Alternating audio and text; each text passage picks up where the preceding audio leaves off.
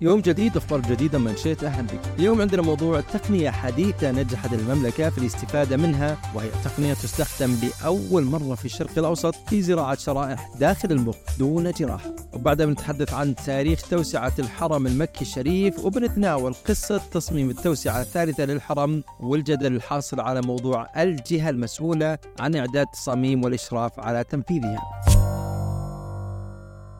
إلى موضوعنا الأول حيث نجح مركز العلوم العصبية بمستشفى الملك فيصل التخصصي ومركز الأبحاث في زراعة شرائح التخطيط الكهربائي داخل المخ بدون جراحة. لطفل لم يتجاوز عامه الحادي عشر. يعاني من الصرع العنيد غير المستجيب للأدوية وذلك في إجراء طبي بديل عن الجراحة ينفذ باستخدام تقنية التوجه اللمسي وهي تنفذ هنا في المملكة كأول تجربة ناجحة في الشرق الأوسط. تمتاز هذه التقنية الحديثة بقصر الوقت وقلة التكلفة حيث يستغرق إجراءها الطبي 45 دقيقة وسرعة زمن الاستشفاء لا تزيد عن 48 ساعة بينما تنخفض التكلفة بنسبة 60% عن الإجراء السابق.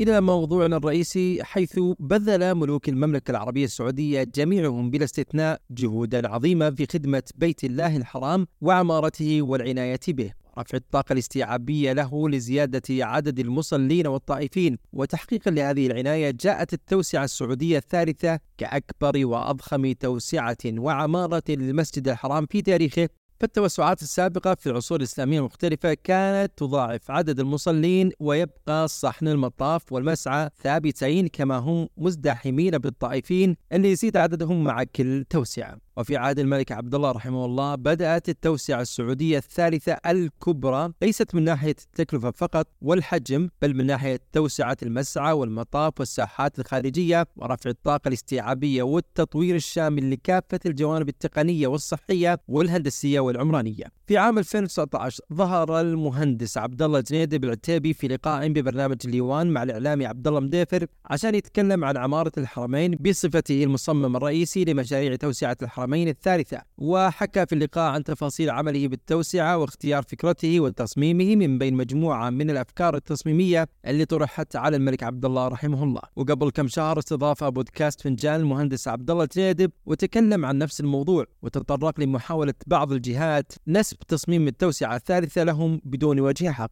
للأسف في بعض الناس استغلوا أوضاع وتلاعبوا بمعلومة في ظاهرها صح ولكن خلوا الناس تفهم شيء ولغوصة أخرى.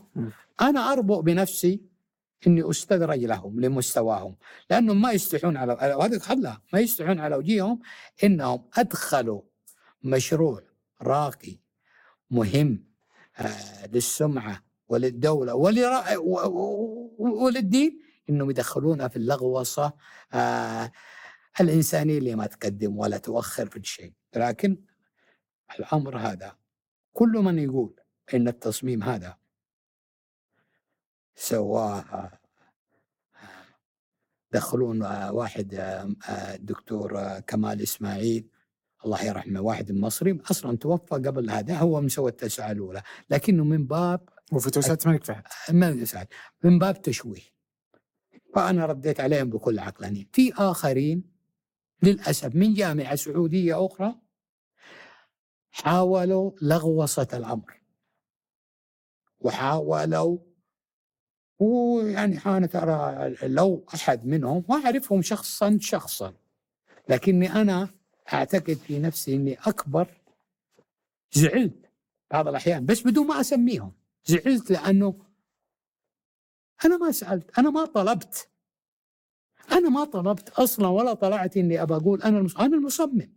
أنا كل خط في التوسعة هذه رسمت باليد هذه. احتدم الجدل حول الجهة المسؤولة عن تصاميم التوسعة الثالثة بعد ما نشرت صحيفة الشرق الأوسط تحقيق من أربع حلقات يحكي قصة عمارة المسجد الحرام منذ 1400 عام وفيه أسئلة ومعلومات كثيرة.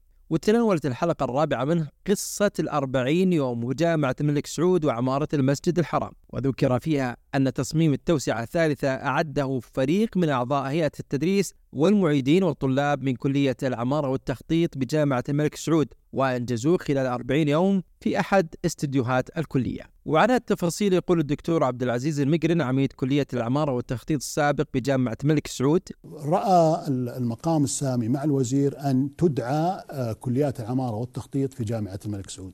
إحنا ككلية عمارة وتخطيط في جامعة الملك سعود آه، ما كونا فريق. ومع ذلك قبلت التحدي كنا موجودين للعمل في هذا في هذا المشروع، هذا مشروع وطني، مشروع استراتيجي، لا يمكن أن يقوم فيه شخص أو شخصين أو مكتب أو مكتبين، إحنا ما نفكر تفكير جزئي في هذه اللحظة في السنتين هذه والعشر سنوات، إحنا طلب منا أيضا تصميم هذا الحرم يكون آه، على بعد على بعد 50 سنة.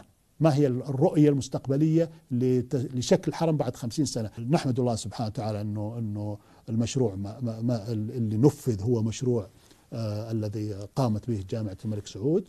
هنا الدكتور عبد الله جنيدب رد على هذا الوثائق بتغريدة قال فيها: عندما يكذب الإنسان يصبح لا حياء له، نعود ونقول ألف مرة ومرة جامعة الملك سعود لا علاقة لها من قريب أو بعيد بالتصميم المنفذ لتوسعه الحرم. وتوالت الردود والتغريدات على هذا الوثائقي على تباينها واختلافها فالحساب الرسمي للجمعية السعودية لعلوم العمران نشر تصريح للبروفيسور قال فيه أنا شاركت كعضو مقيم متابع للمسابقة المحدودة للتوسعة الثالثة وأسهب مدير جامعة الملك سعود في حين الدكتور عبد الله عثمان في شرح التصميم المقدم من جامعة الملك سعود وهنا قال خادم الحرمين الشريفين الملك عبد الله على بركة الله وأخذت كموافقة وهنا تم تطوير التصميم المقترح من قبل جامعة الملك سعود من قبل شركة بن لادن ودار الهندسة وهما من نفذا التوسعة الثالثة أما الصحفي جيلان الغامدي فتساءل كنت أعتقد وأنا أقرأ التحقيق أن عبد الله جنيدب تحدث عن المشروع وتصاميمه ومراحل الإعداد والتنفيذ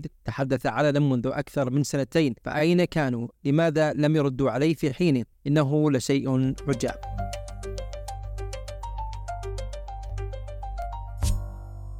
في الختام إحنا نقول في منشيت مهما كان الاسم أو الجهة التي تقف خلف هذا التصميم والإشراف عليه إلا أنه يظل منجز سعودي خالص نفتخر فيه ونتباهى به. ومين يدري يمكن في الأيام الجاية نشوف تصريح من الجهات الرسمية يوضح الاسم الحقيقي المسؤول عن هذا العمل العظيم.